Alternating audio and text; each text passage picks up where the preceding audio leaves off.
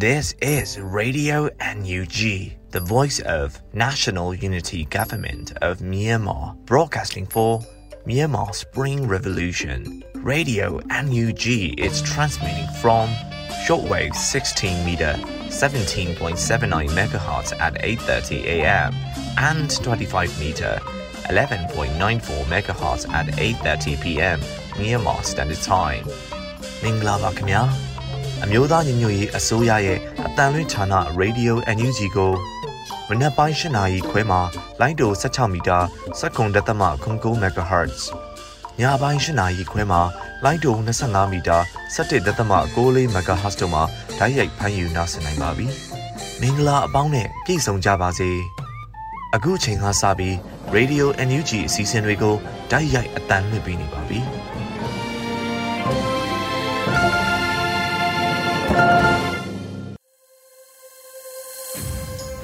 မြန်မာနိုင်ငံသူနိုင်ငံသားအပေါင်းတဘာဝပေးဆရာနာရှင်ပေတို့ကနေကင်းဝေးပြီးကိုစိတ်နှပါဘေးကင်းလုံခြုံကြပါစေလို့ရေဒီယိုအန်ယူဂျီဖွဲ့သားများကဆုတောင်းမြတ်တာပို့သလိုက်ရပါတယ်ရှင်။အခုချိန်ကစပြီးကာဝယ်ရေးဝန်ကြီးဌာနရဲ့စီရေးသတင်းချင်းချုပ်ကိုတော့နေဦးလင်ကမှဖတ်ကြားတင်ပြပေးပါရမရှင်။ကာကွယ်ဝင်ကြီးဌာနအမျိုးသားညီညွတ်ရေးဆိုရမှ28ရက်5လ2020ထုတ်ဝေတဲ့စီရေးသတင်းချင်းချုပ်ကိုတင်ဆက်ပေးတော့မှာဖြစ်ပါတယ်။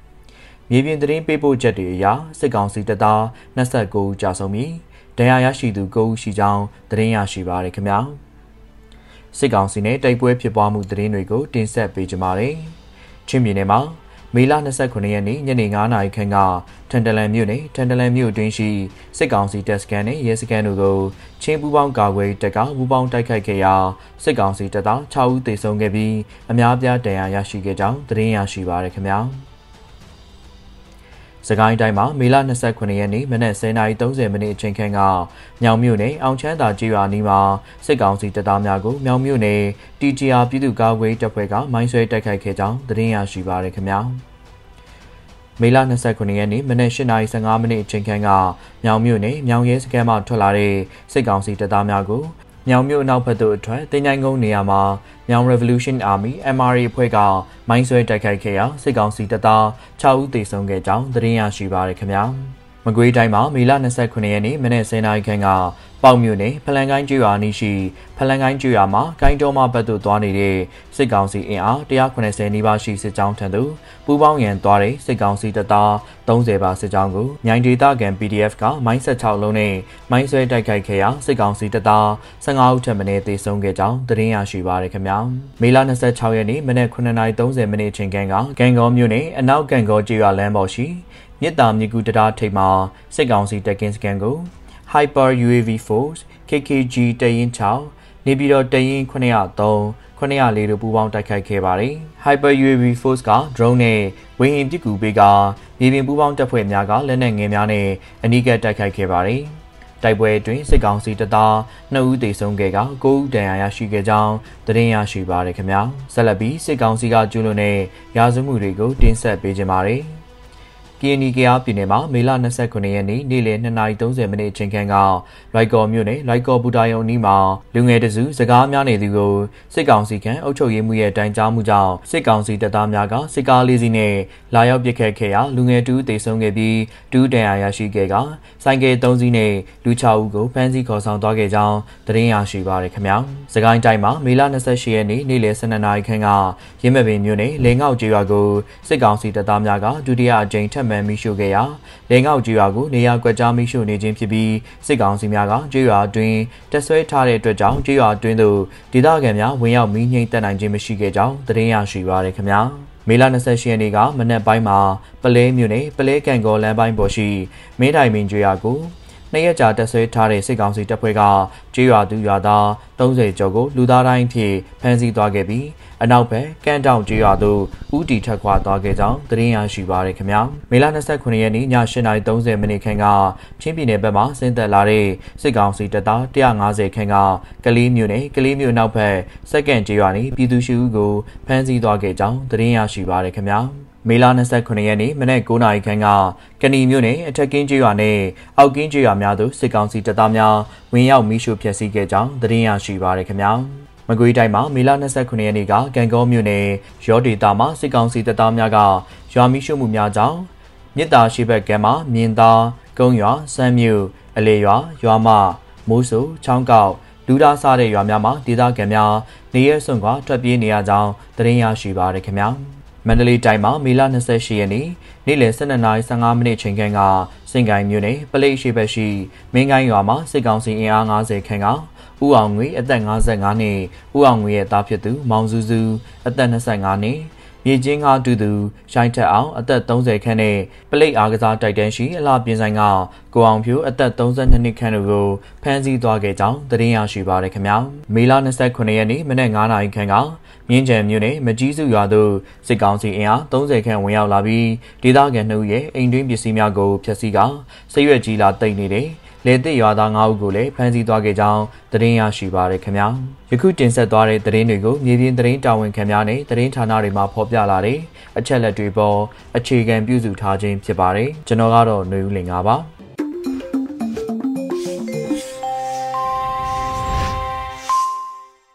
ရေဒီယိုအန်ယူဂျီရဲ့မနက်ခင်းစီစဉ်တွေကိုဆက်လက်တင်ပြနေပါတယ်။အခုဆက်လက်ပြီးနောက်ဆုံးရသတင်းများကိုຫນွေဦးနှင်းစီမှဖတ်ကြားတင်ပြပေးပါရမရှင်။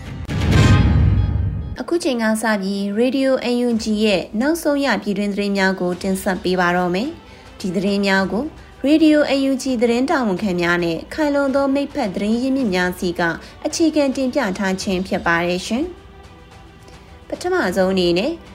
UNG အစိုးရဟာပြည်ပြည့်အစိုးရမဟုတ်ပဲပြည်သူအစိုးရဖြစ်တယ်လို့ယာယီသမတဒူဝါလရှိလာပြောကြားခဲ့တဲ့သတင်းကိုတင်ဆက်ပေးပါမယ်။မေလနောက်ဆုံးပတ်အတွင်းတွဲဆုံမေးမြန်းခန်းတစ်ခုမှာ ယာယီသမတဒူဝါလရှိလာကအခုလိုဆိုခဲ့ပါတယ်။ UNG အစိုးရဟာပြည်ပြည့်အစိုးရမဟုတ်ပဲပြည်သူအစိုးရဖြစ်တယ်လို့ယာယီသမတဒူဝါလရှိလာပြောကြားလိုက်ပါတယ်။ကျွန်တော်အပါအဝင်ဝန်ကြီးချုပ်နဲ့တကွဝန်ကြီးတော်တော်များများဟာပြည်တွင်းမှာပဲနေပြီးပြည်သူနဲ့မခွာပဲအတူတကွလှုပ်ရှားနေကြတာဖြစ်ပါတယ်။ကာကွယ်ရေးကို PDF တွေနဲ့ပူးပေါင်းလုပ်နေသလိုအုပ်ချုပ်ရေးကိုပြည်သူအုပ်ချုပ်ရေးအဖွဲ့တွေနဲ့ပူးပေါင်းလုပ်နေပြီးဖြစ်ပါတယ်။ဒါက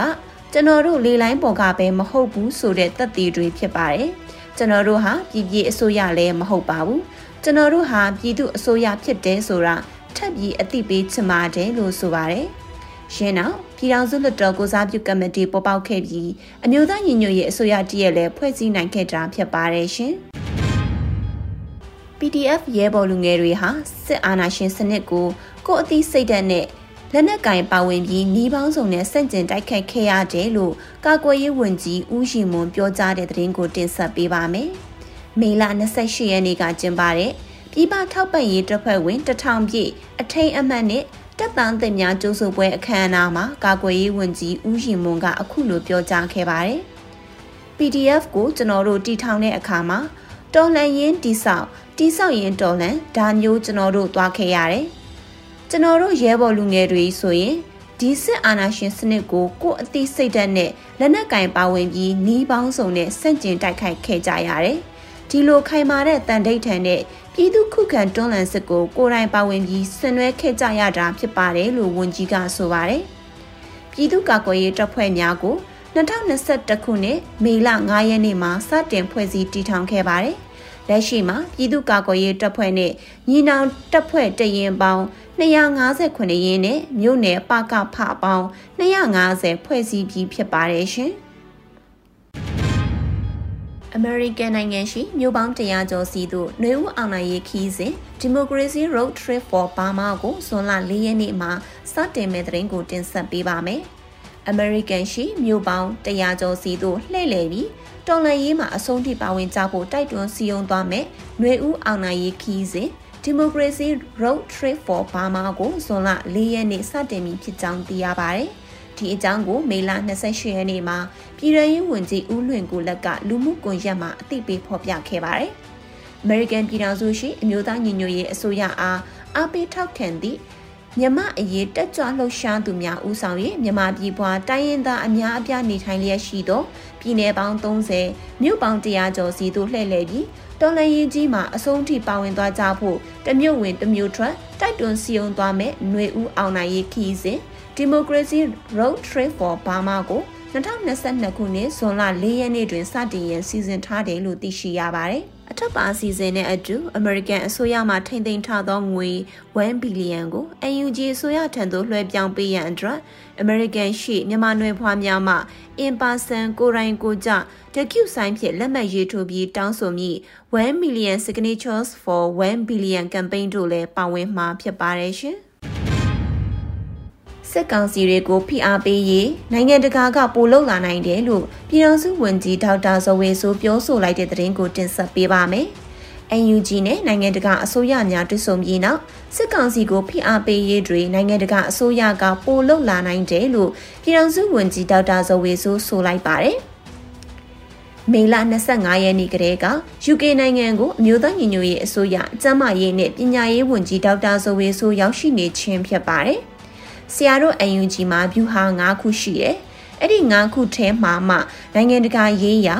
ဆရာတို့အစိုးရရဲ့တရားဝင်အသိမှတ်ပြုခံရဖို့အရေးနောက်တစ်ခုက အခုဆိုရင်နိုင်ငံတကာကပို့ပြီးတော့စစ်ကောင်စီကိုဖိအားပေးရေးကိုပို့ပြီးတော့လှုပ်လာနိုင်တယ်။အရင်တုန်းကနိုင်ငံတကာကအွန်လိုင်းနဲ့တွေ့ရတယ်။အခုလိုလူချင်းတွေ့တဲ့အချိန်မှာပို့ပြီးဖလှယ်ခွင့်ရတယ်လို့ဝန်ကြီးကဆိုပါတယ်။ မေလ25ရက်နေ့ UK နိုင်ငံအာရှရေးရာဝန်ကြီးအမန်ဒါမေလင်းဟာလန်ဒန်မြို့ရှိနိုင်ငံခြားရေးရုံးအဆောက်အအုံတွင် National Unity Governments of Myanmar မှဝန်ကြီးဒေါက်တာဇော်ဝေဆိုးနှင့်တွေ့ဆုံခဲ့ပါတယ်ရှင်။ကောလီမြို့နယ်တွင်စေတနာဝန်ထမ်းဆရာဆရာမပေါင်းတထောင်ကျော်နဲ့ကျောင်းပညာသင်ကြားရေးစတင်နေပြီဆိုတဲ့သတင်းကိုဖတ်ကြားပေးပါမယ်။ကောလီမြို့နယ်တွင် ကျောင်းသားကျောင်းသူပေါင်း1000ကျော်ကိုစေတနာဝန်ထမ်းဆရာဆရာမပေါင်း1000ကျော်နဲ့ကျောင်းပညာသင်ကြားရေးစတင်နေပြီလို့ဆိုပါတယ်။မေလ28ရက်နေ့တွင်ကောလင်းမြို့နယ်ပညာရေးဘုတ်အဖွဲ့မှတရားဝင်အသိပေးကြေညာခဲ့ပါတယ်။ကောလင်းပညာရေးဘယ်တော့မှနောက်မကျဘူးဆိုတာကျွန်တော်တို့နဲ့တကွမြေပြင်ကဆရာဆရာမများပအဖများပကဖပါလာဖများကလုတ်ပြနိုင်နေပါပြီ။စာတင်ကျောင်း133ကျောင်းနဲ့ ကျောင်းသူကျောင်းသားပေါင်း1000ကျော် CDN 380စေတနာဝန်ထမ်းဆရာဆရာမ1000ကျော်နဲ့စတင်လဲပတ်နေပါပြီလို့ဆိုပါတယ်။ကောလင်းမြို့နယ်ပညာရေးအောင်မြင်နေခြင်းအတွက်မြေပြင်မှကူညီပေးနေသူများအားလုံးကိုအထူးကျေးဇူးတင်ကြောင်းကောလင်းမြို့နယ်ပညာရေးဘုတ်အဖွဲ့ကထုတ်ပြန်ကြေညာထားပါတယ်ရှင်။ကျမကတော့ຫນွေဦးနှင်းစီပါရှင်။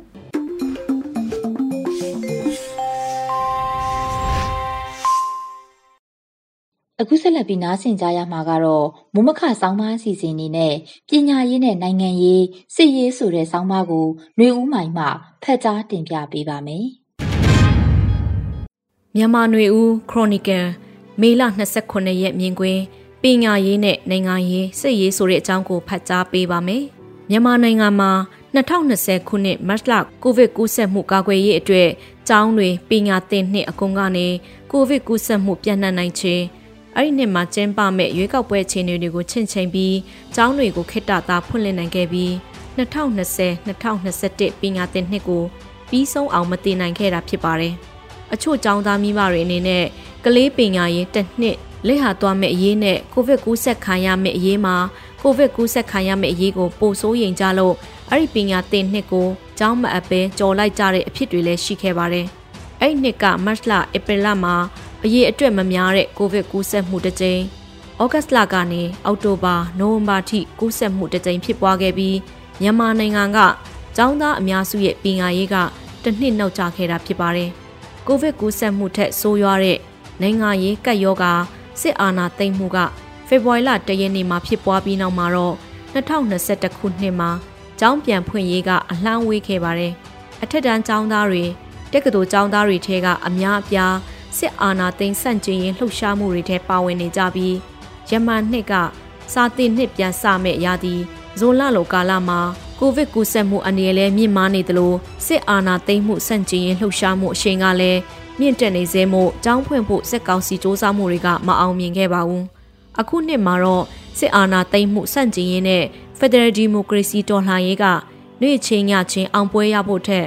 အချိန်တစ်ခုကြာမြင့်နိုင်တယ်ဆိုတော့အရေးအယောင်မျိုးကြောင့်ကျောင်းဖွင့်ရသည်မှာကျောင်းအပ်မဲ့မိဘအရေးအတွက်များပြားလာတာတွေ့ရပါတယ်။ကျောင်းမတက်ဖို့စီယုံပြောဆိုကြသူတွေရဲ့ဘက်ကအကြောင်းတွေက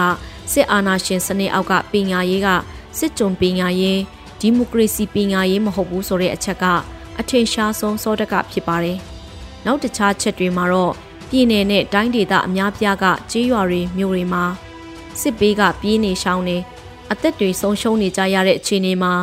မြို့ပေါ်ကသို့မဟုတ်လက်နက်ကင်ပြိပခမဖြစ်ပွားတဲ့ဒေသတွေကကျောင်းသားလူငယ်တွေအနေနဲ့ကျောင်းတက်ချင်းဖြစ်စစ်ကောင်စီကိုအတိအမှတ်ပြုရမရောက်ဘူးလားဆိုတဲ့အချက်ဖြစ်ပါတယ်။နောက်တစ်ချက်ကတော့ကျောင်းဆရာဆရာမ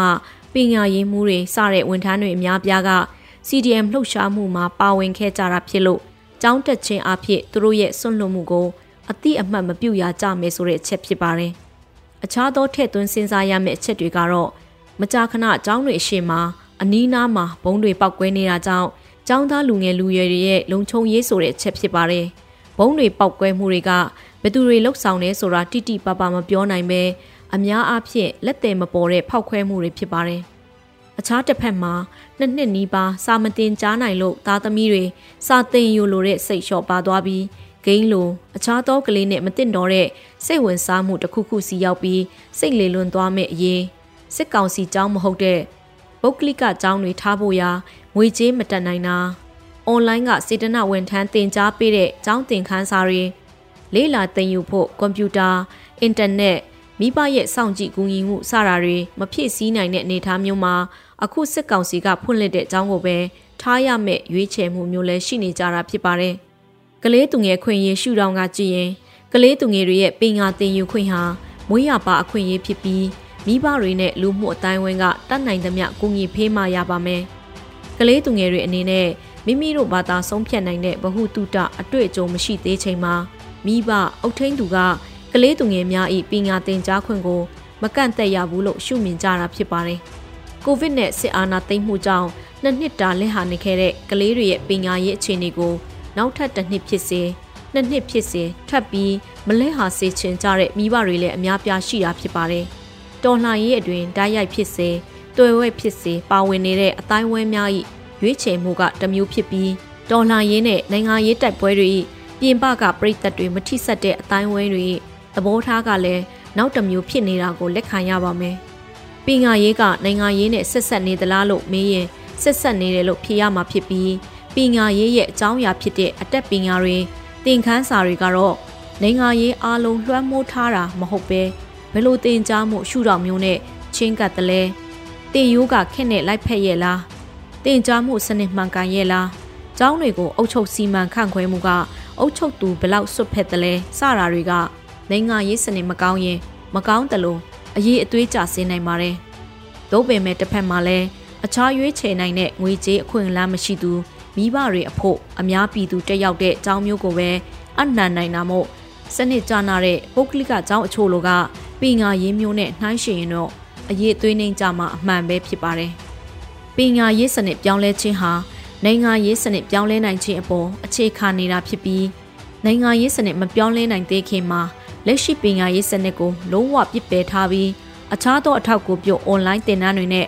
အစားထိုးမလားဆိုတဲ့အရေးကြီးတဲ့မေးခွန်းဖြစ်ပါတယ်။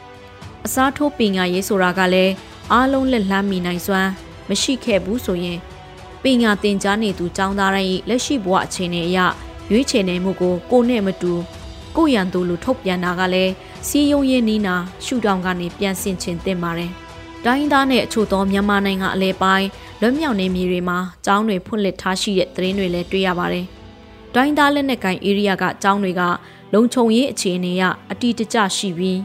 နှစ်ကာလအတန်ကြာကလေးကတီထောင်ထားခဲ့တာဖြစ်လို့အတိုင်းအတာတစ်ခုတိတည်ငြိမ်တယ်လို့ဆိုနိုင်ပြီးမြန်မာနိုင်ငံအလဲပိုင်းဒေသတွေအနေနဲ့တော့လုံခြုံရေးအခြေအနေအရရွှေ့ပြောင်းရတာမျိုးခိတ္တခဏရပ်ဆိုင်းထားရတာမျိုးလည်းရှိနိုင်ပါတယ်။ကနေ့ကျောင်းစာသင်ရမယ့်အရွယ်ကလေးတွေနဲ့လူငယ်တွေအဖို့ဘာသာစကားစာပေတင်ချာသိပ္ပံစတဲ့အခြေခံအကျဆုံးအတတ်ပညာတွေကိုသင်ယူနိုင်ဖို့အရေးကြီးလာပါတယ်။ဘယ်ကျောင်းမှာတက်တယ်ဘယ်သင်ယူနဲ့သင်နေဆိုတာက ဒုတိယဖြစ်ပြီးသင်ယူခွင့်ရမရကပထမအရေးကြီးတယ်လို့ထင်ပါတယ်။နိုင်ငံရေးလှုပ်ရှားမှုတော်လှန်ရေးအချိန်စရာကဘလောက်ကြာမယ်မြန်မယ်ဆိုတာအခုချိန်မှာဘယ်သူမှတတ်အပ်မသိနိုင်တာမို့ကလေးတွေရဲ့ပင်ရသင်ယူခွင့်ကကြံတဲ့အချက်တွေထက်အရေးကြီးတယ်လို့ရေဘူးရအဖြစ်ဆိုချင်ပါတယ်။တော်လှန်ရေးလှိုင်းလုံးကြီးများမြင့်မားနေချိန်ပြင်းထန်နေချိန်မှာမိတိရန်ရမဆိုရက်ဆိုင်သွားရတာကတဘာဝတရားဖြစ်ပါတယ်။ အခုချိန်ကအချို့မြို့ပြဒေသနဲ့စစ်ကောင်စီလက်လှမ်းမီအုပ်ချုပ်ရေးဒေသတွေကပညာသင်ကြားရေးလဲပတ်မှုကိုရှုမြင်ပုံနဲ့အငင်းပွားနေကြမှုဖြစ်ပါတယ်။ပညာရေးဟာနိုင်ငံရေးရဲ့လက်အောက်ခံဖြစ်တယ်ဆိုတဲ့စကားကမှန်ပင်မှန်ရတော့လဲနိုင်ငံရေးအကျိုးစီးပွားအတွက်နဲ့ပညာရေးကိုစတေးခံရတာမျိုးလည်းမဖြစ်သင့်တာအမှန်တရားဖြစ်ပါလိမ့်မယ်ရှင်။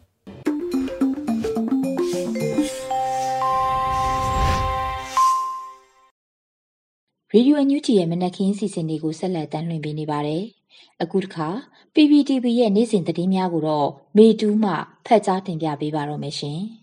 ။ကရင်မျိုးသားစီယုံကလက်ရှိနိုင်ငံရေးအခြေအနေနဲ့သတင်းမျှဝေဖလှယ်တဲ့အစီအစဉ်ပြုလုပ်ခဲ့တဲ့ဆိုတဲ့သတင်းမှာကရင်မျိုးသားစီယုံ KNU ကလက်ရှိနိုင်ငံရေးအခြေအနေနဲ့သတင်းမျှဝေဖလှယ်တဲ့အစီအစဉ်ကို KNU ဗဟိုစီယုံရေးနဲ့ပြန်ကြားရေးဝန်ကြီးဌာနကမေလ29ရက်မှာဗဟိုကရင်ပညာရေးနဲ့ယဉ်ကျေးမှုဌာနခမ်းမဆောင်မှာပြုလုပ်ခဲ့ကြပါတယ်။ KNU ဗဟိုခေါင်းဆောင်တွေဖြစ်တဲ့ဘရိုစောတမိန်ထွန်းဘရိုစောလာထွန်းဘရိုစောကလေစီတို့က KNU ကရင်မျိုးသားစီယုံရဲ့နိုင်ငံရေးစီရေးအုပ်ချုပ်ရေးစီယုံရေးနဲ့လက်ရှိနိုင်ငံရေးအခြေအနေအရရတို့ကိုခြုံငုံသုံးသပ်ရှင်းပြခဲ့ကြပါတယ်။လက်ရှိနိုင်ငံရေးအခြေအနေနဲ့ သတင်းမျှဝေဖလှယ်တဲ့အစီအစဉ်မှာဗဟိုဌာနချုပ်ရှိဌာနတွေရဲ့တာဝန်ရှိသူတွေဗဟိုစစ်ဦးစီးဌာနချုပ်မှခေါင်းဆောင်တွေဖန်ခရိုင်တက်မဟာခွန်မှတာဝန်ရှိသူတွေကရင်လူမှုရေးအဖွဲ့အစည်းတွေရဲ့ခေါင်းဆောင်ကိုယ်စားလှယ်တွေတက်ရောက်ဆွေးနွေးခဲ့ကြပါတယ်။လက်ရှိနိုင်ငံရေးအခြေအနေအရရက်ကိုဗဟိုခေါင်းဆောင်တွေကရှင်းလင်းပြောကြားပေးပြီးတက်ရောက်လာတဲ့ဌာနတွေ အဖွဲ့အစည်းတွေကမင်းမြန်းဖြေကြားတုံ့တက်မှုတွေပြုလုပ်ခဲ့တယ်လို့ KNU ဗဟိုကထုတ်ပြန်လိုက်ပါတယ်။အထူးသဖြင့်လက်တလောဖြစ်ပေါ်နေတဲ့အကြံဖက်စစ်ကောင်စီရဲ့ငြိမ်းချမ်းရေးဖိတ်ခေါ်မှုအပေါ်အမြင်သဘောထားများပေးတာတွေနဲ့အတူတွစ်ဆုံဆွေးနွေးမှုနဲ့ပတ်သက်ပြီး KNU ကရင်မျိုးသားစီယုံ၏တွစ်ဆုံဆွေးနွေးရေးဆိုင်ရာ policy negotiation policy ကိုရှင်းပြမှုတွေပြုလုပ်ခဲ့တယ်လို့ဖော်ပြထားပါတယ်။ ဒါအပြင်သတင်းအချက်လက်တွေအရေးကြီးတယ်ဆိုတာနဲ့သတင်းအချက်လက်လုံခြုံရေးဆိုင်ရာသတင်းအသည့်သတင်းသတိတွေကိုရှင်းလင်းဆွေးနွေးခဲ့ပြီးတော့ပြည်သူလူထုတွေထံကိုသက်ဆိုင်ရာဌာနတွေအဖွဲ့အစည်းတွေရဲ့လှုပ်ရှားဆောင်ရွက်မှုတွေသတင်းပြန်ကြားပေးနိုင်ရေးဆိုင်ရာတွေကိုဆွေးနွေးခဲ့ကြပါတယ်။မြန်မာနိုင်ငံရဲ့ဖြစ်လာနိုင်ခြေရှိတဲ့နိုင်ငံရေးအခင်းအကျင်းတွေအလားအလာတွေကိုသုံးသပ်ဆွေးနွေးခဲ့ကြပြီးတော့ အမြင်သဘောထားတွေဝင်ငှခဲ့ကြတယ်လို့ KNU ဗဟိုရဲ့ထုတ်ပြန်ချက်မှာဖော်ပြထားတာတွေ့ရပါတယ်။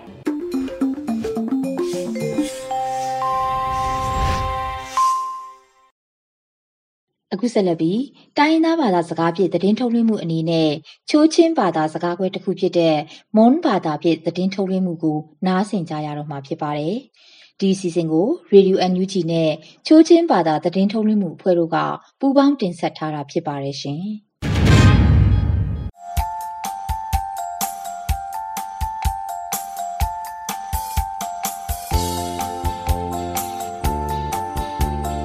ချိုရီဒီယိုအုံရနာနမိငါယနုဘာဖွိနာရီယိုနမရိုင်နော်အဒုံဝဲခိုဂုံဖရမ်ကူလမ်ဂလီရီမင်းဟုချမ်ဂလီကိုဟုမြမခုခုံထူလာခိုဘန်ကောင်ထူရီမိငိုင်ဘာဘိုင်ခင်ရောလဘကနီတုံးဝဲမင်းငိုင်ဘယံထူရီလေကျူမင်တမောင်ရောနိခွန်လီတယနုကနောအကနကဖွာအမောက်ချောင်တမတ်အခုပိနေအနုအလူအဒီမနာအုံးကြီးကြောင်ထူ ကျွန်တော်ဘူးမယာအုံးကြီးအဖောအပလမ်ဒေဂျနမ်ခုကကာဘအဒေုံချက်ချင်းတခါရဲ့ပိခါဝဲအဲ့လာတဲ့ငါကျူတျာမင်တမောင်ရောအော့ကီပီရောအမရှောင်းလီကျူခုချောင်ရဖောအေအောင်နာကခေါ်ရီဘက်နာအော့ကီကြောင်ထူမင်တမောင်ရောမောင်ရောဦးနာကအမ်အုံတန်ကနောအန်ခွန်နာကျောင်းအင်းယူမှာအမေကိုက်တူပါကြီး minta mangro mangro unaka ambum tung kano aprenna kang thu judia minta college le ju lokhaya khina toyung angriswi kaunsi tung kano hombai jia aktha lo na omgi jang thula american khu taxi sung of kya kyong im tumatung se he kot tumano akana ka phwa siamala amho kyangsun kuli ut supija thuri kyakini minda mangro khala ya hikun liung ka အင်္ဂရိ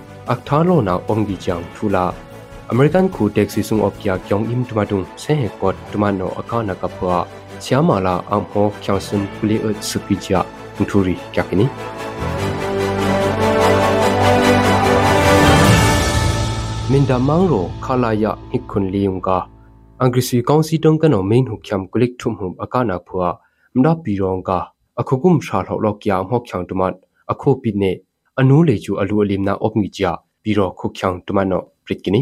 ၆လုံးအမချူလို့တဲ့၆လုံးစလုံးရခဲ့ဝန်ကပြီးအဲ့ဒါနမင်းဘင်ကနေဒါမင်းဘေရှင်းကနုံကိုတက်စစ်တကိုနေတာအမင်းဒီအရှေရှေဝေးဘက်ကြီးကျွန်တော်ဦးမယာအောင်ကြီးအဖောအပလန်ဒေဂျနမ်ခုကကဘအတဲ့ချက်ချင်းတခါရဲ့ဘိခဝဲကျွန်တော်အနူးကောင်တွေတို့အလိုအမြဒီတီကြီးတို့နောက်ရကကနူးတွေကျွန်တော်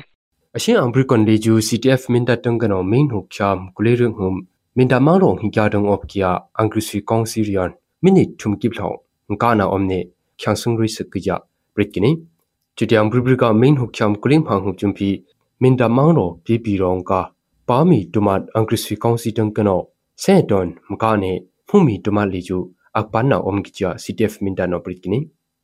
မင်တမောင်ရောဘီရောအမ်ရှောင်းအုံးကီယာ ခုတ်ချောင်ရဖွာ sang ik ong na ka khori li chu min da mang ro ndung ka na phwa om khu nong kya khuk chang ri mjim sa na ka comedy tang ka no dum pang si ik ong na ka khori be na om gi ja ming hu khyam click phi hu pret kini bri bri ka khin ryung le chu sang i phyak thum la ko gi ba khuda ngai na om ne atu bai le chu sang i ma gi bla he ik ong na ka khori mi pe na op gi ja ngami no pret kini အင်္ဂရိစီကောင်စီတန်ကနောတွင်းနေအောင်ဟနာကျောင်းအင်ရီယတမမင်တမောင်ရောမောင်ရောဦးနာကအံဘုံတန်ကနော ang hona kyong im yunga ang ho khyang ri kyong ame kai vai kya ki jia min ta mang ro mang ro u na kha ang bum dang kano ming thuk cham kuling hang hu prit kini ashina ang krisi kong si dang kano tam bang ne ang hona ka kyong im le chu ming thuk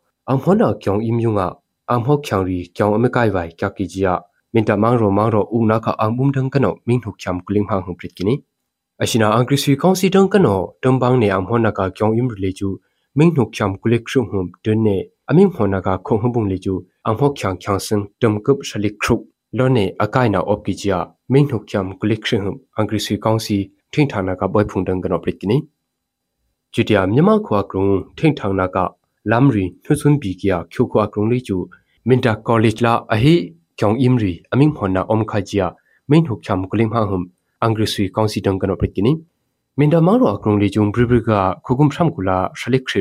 ငွခိနာကခုကုမုံကျူခုပချက်ဘီလျာထမွန်တွန်းနေမီပုံစင်လောမင်တာကောလိပ်လေးကျူ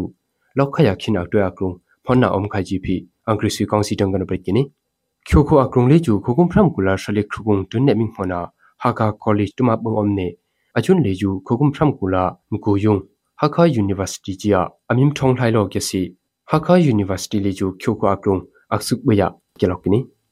American ko Texas khung of kya kyong im tuma dung se he ko ang ho tuma no aka na ka phua kyong ga ki ang ho khyang khyang sung shalik kula syama khyang sung re sukini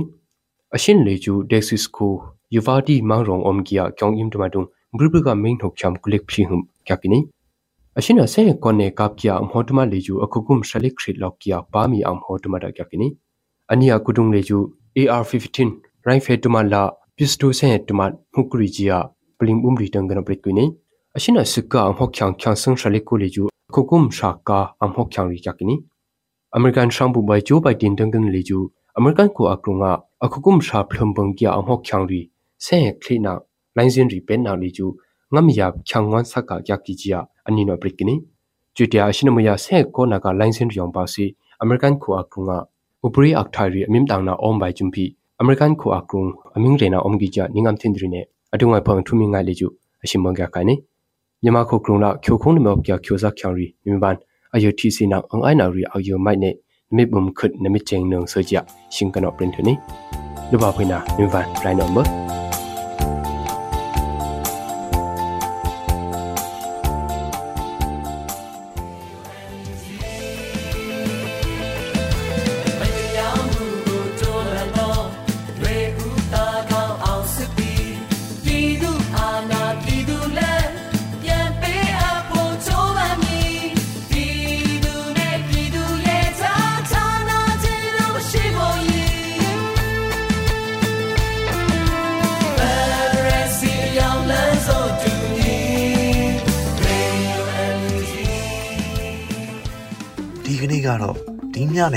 Radio NUG ရဲ့အစည်းအဝေးတွေကိုခਿੱတရနာလိုက်ပါမယ်။မြန်မာစံတော်ချိန်မနက်၈နာရီခွဲနဲ့ည၈နာရီခွဲအချိန်တွေမှာပြန်လည်ဆုံးဖြတ်ကြပါစို့။ Radio NUG ကိုမနက်ပိုင်း၈နာရီခွဲမှာလိုင်းဒို16မီတာစက္ကန့်တသမ9 MHz ညပိုင်း၈နာရီခွဲမှာလိုင်းဒို25မီတာ17တသမ6 MHz တို့မှာဓာတ်ရိုက်ဖမ်းယူနားဆင်နိုင်ပါပြီ။မြန်မာနိုင်ငံသူနိုင်ငံသားများကိုယ်စိတ်နှပြကျန်းမာချမ်းသာလို့ဘေးကင်းလုံခြုံကြပါစေလို့ Radio NUG အဖွဲ့သူအဖွဲ့သားများကဆုတောင်းလိုက်ရပါတယ်။အမျိုးသားညီညွတ်ရေးအစိုးရရဲ့စက်သွေးရေးသတင်းအချက်အလက်နဲ့ဤပညာဝန်ကြီးဌာနကထုတ်လွှင့်နေတဲ့ Radio NUG ဖြစ်ပါတယ်။ San Francisco Bay Area အခြေစိုက်မြန်မာမိသားစုများနဲ့နိုင်ငံတကာကစေတနာရှင်များလှုပ်အားပေးများရဲ့ Radio NUG ဖြစ်ပါတယ်